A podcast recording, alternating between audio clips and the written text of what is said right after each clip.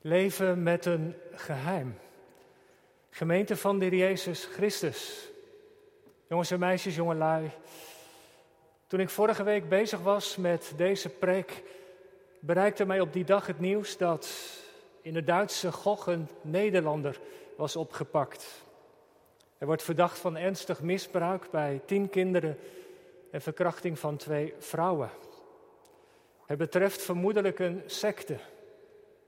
Maar zomaar een kort berichtje wat even langs de media langskwam. Maar wat een drama. En van tijd tot tijd bereiken ons dergelijke berichten. Een gezin waar een vermoeden is van seksueel misbruik. Een kinderporno-netwerk wat opgerold wordt.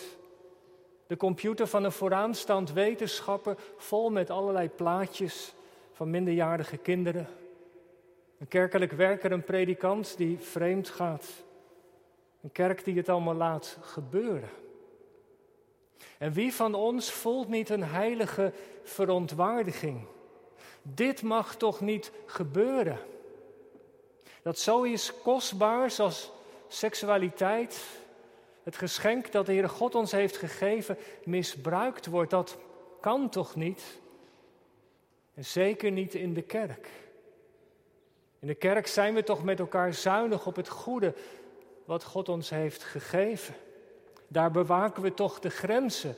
Hier gelden toch de geboden van God. Wie haalt zoiets in zijn of haar hoofd? In Nederland worden jaarlijks 62.000 kinderen voor de eerste keer slachtoffer van seksueel misbruik. 41% van de meisjes, 23% van de jongens krijgt ermee te maken. Of in de leeftijd van 25 jaar en ouder, 13% van de mannen en maar liefst 42% van de vrouwen krijgt met grensoverschrijdend gedrag te maken. Dat zijn schokkende cijfers. En de eerlijkheid gebiedt ons te zeggen dat dit aan christenen en de christelijke gemeente niet voorbij gaat. En daarom staan we er vanmorgen bij stil. Omwille van het evangelie mogen we er niet over zwijgen. Want seksueel misbruik heeft grote impact op levens van mensen, van wie het overkomt. Levenslange schade zelfs, het zal je maar gebeuren. Vanmorgen staan we stil bij de geschiedenis van Tamar en Amnon uit 2 Samuel 13. Je zou kunnen zeggen een zwarte bladzijde uit het gezin van koning David. En het zal u wel opgevallen zijn, de Bijbel is een eerlijk boek. Ook deze aangrijpende geschiedenis staat opgetekend. Waarom? Eigenlijk maar één ding. Opdat we ervan leren. Opdat we met Gods ogen kijken naar, naar de zonde van misbruik en de gevolgen ervan. En we hebben het gelezen, het begint allemaal met Amnon. Hij krijgt zijn zus Tamar lief, lezen we in vers 1.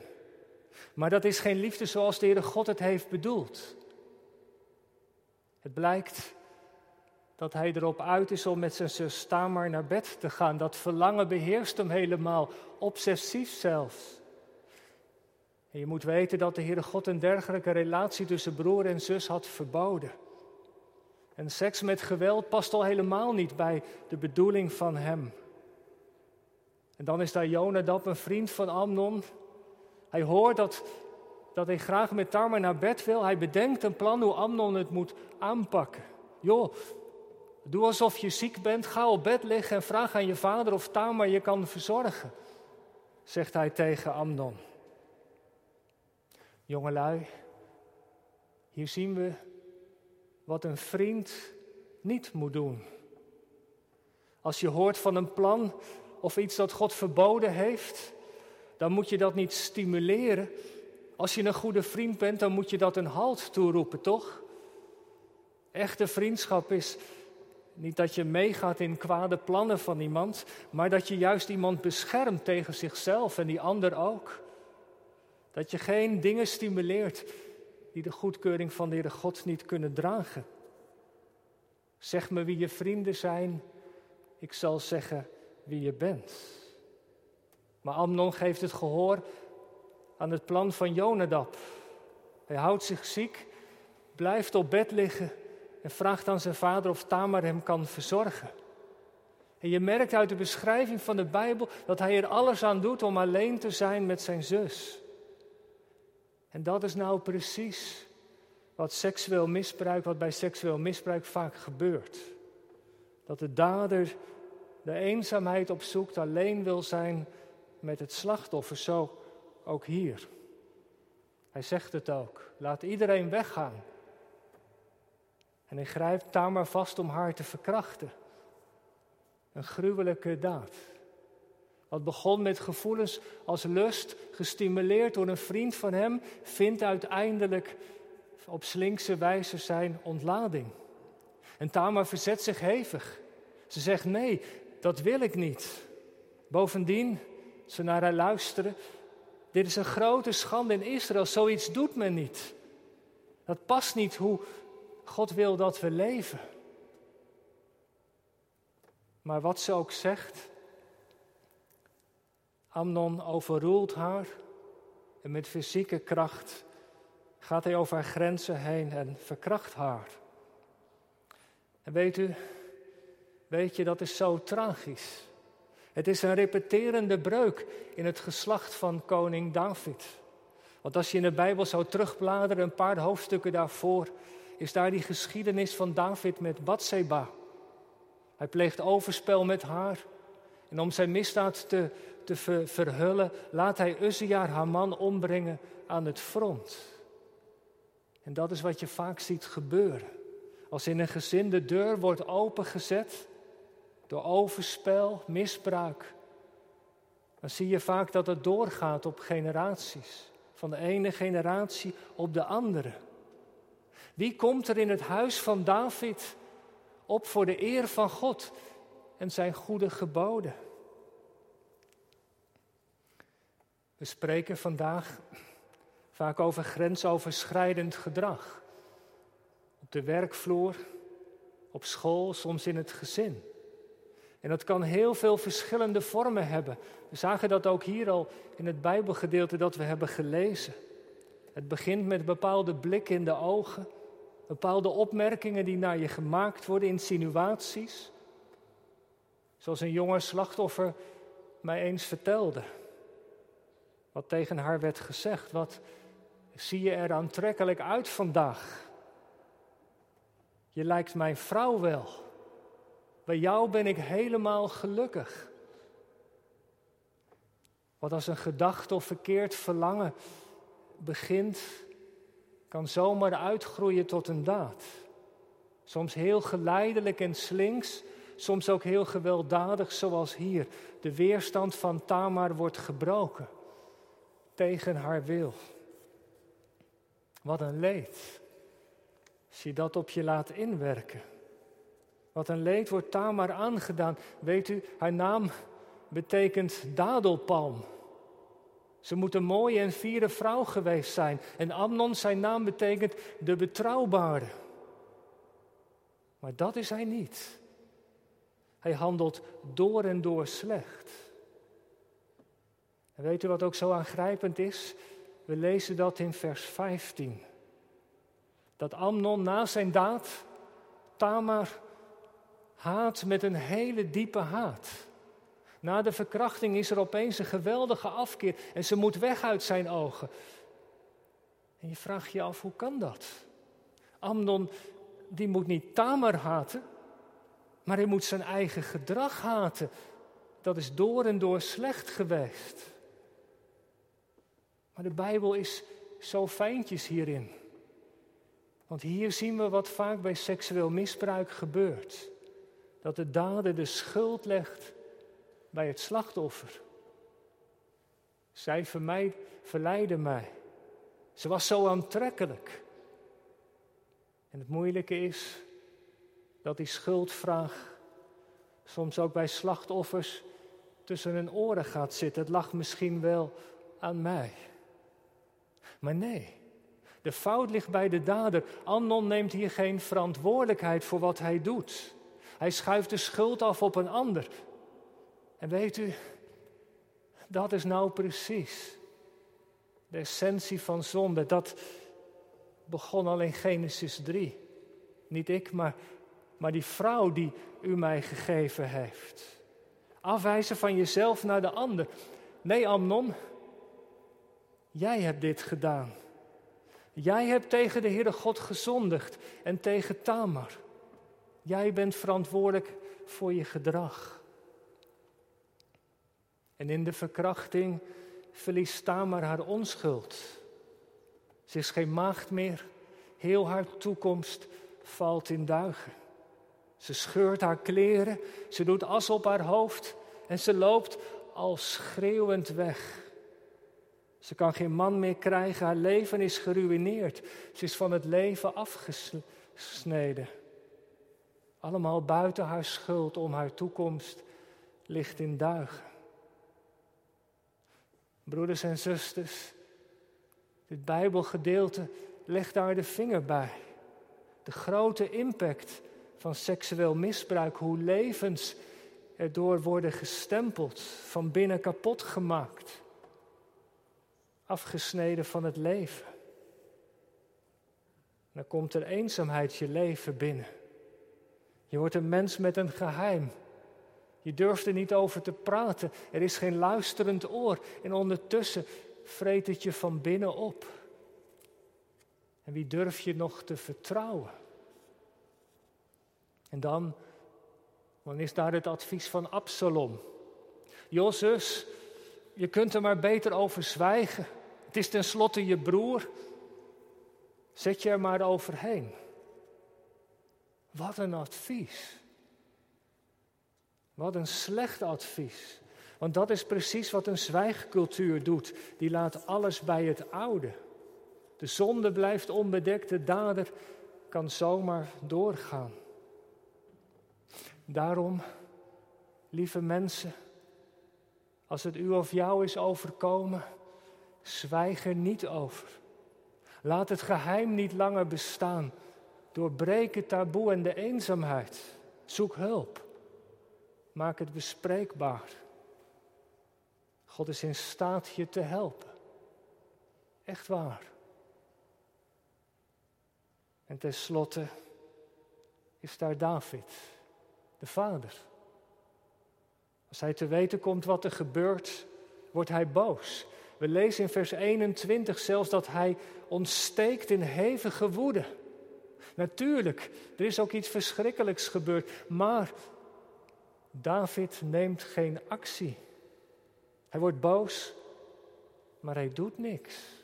Hij komt niet op voor zijn dochter Tamar, hij bestraft zijn zoon Amnon niet. En gemeente, dat, dat is nou zo belangrijk. Misbruik vraagt om meer dan boosheid. Er moet recht gedaan worden. Slachtoffers moeten aandacht en erkenning krijgen. Maar dat zul je merken in al die dingen. Erkenning is zo belangrijk. Want de gevolgen, dat zullen we straks horen, zijn vaak levenslang. Zo ook bij Tamar. Je ziet haar gaan. Met haar gescheurde kleren en as op haar hoofd.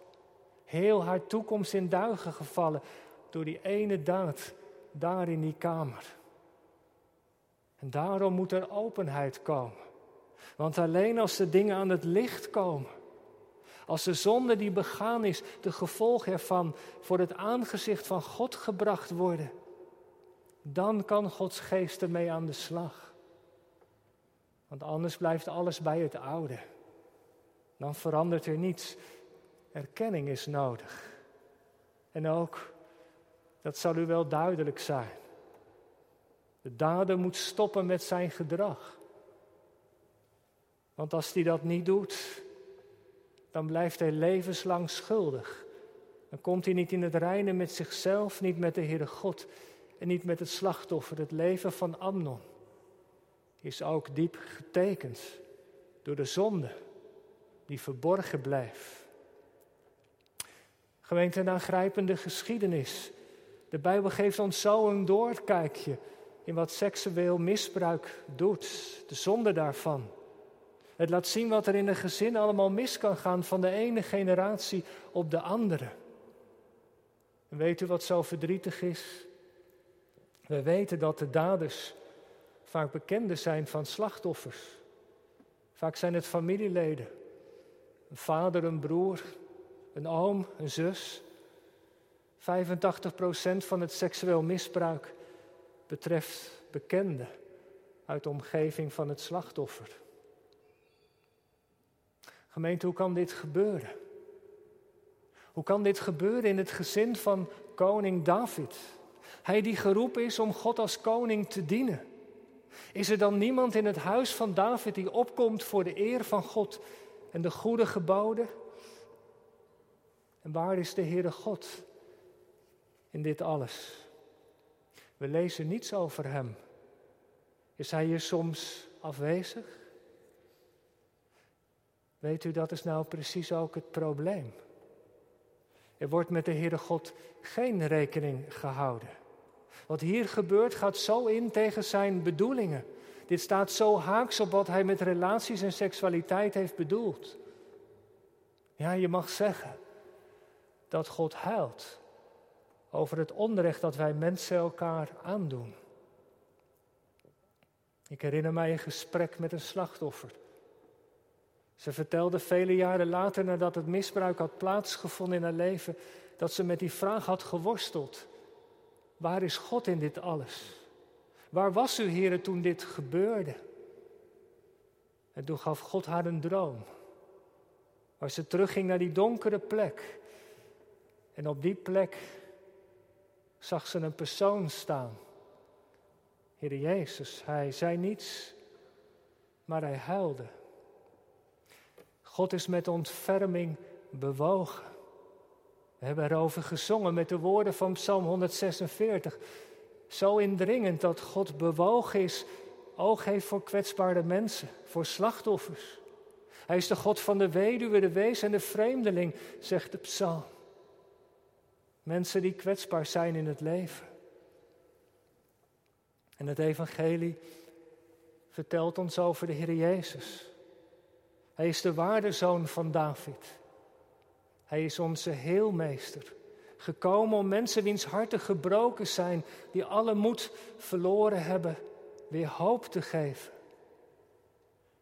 Hij staat vanmorgen voor ons met zijn handen wijd open naar ons. En hij zegt het tegen u, tegen jou en ook tegen mij. Kom naar mij toe, allen die vermoeid en belast zijn. Ik zal je rust geven. God is met ontferming bewogen. Maar God kan ook zwijgen in zijn toren. Wanneer wij de grens van zijn geboden passeren en anderen geweld aandoen. Wanneer God zwijgt, dan is er maar één remedie. Inkeer, berouw, bekering. Stoppen met wat niet goed is. En weet u, het oordeel van God dat blijkt in deze geschiedenis. Absalom is zo boos over wat zijn broer Amnon bij Tamar heeft gedaan. En die haat, die vreet hem op van binnen zozeer, omdat er niks mee is gedaan, zozeer dat hij besluit zijn broer te doden. En die ene daad, de vader, die daad van de zoon, die gaat door.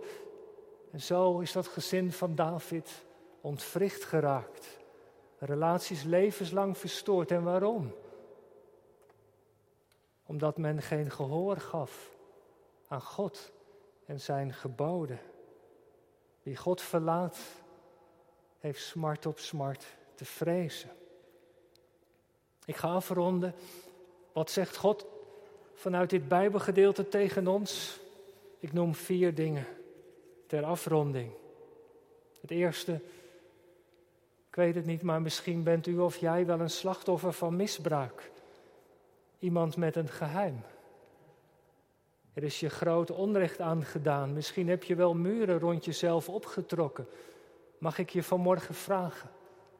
Zoek alsjeblieft hulp. Deel het met iemand die je vertrouwt. Loop niet met het geheim rond. In de kerk zijn twee vertrouwenspersonen. Er is een gebedsteam met zijn mensen die je echt kunt vertrouwen.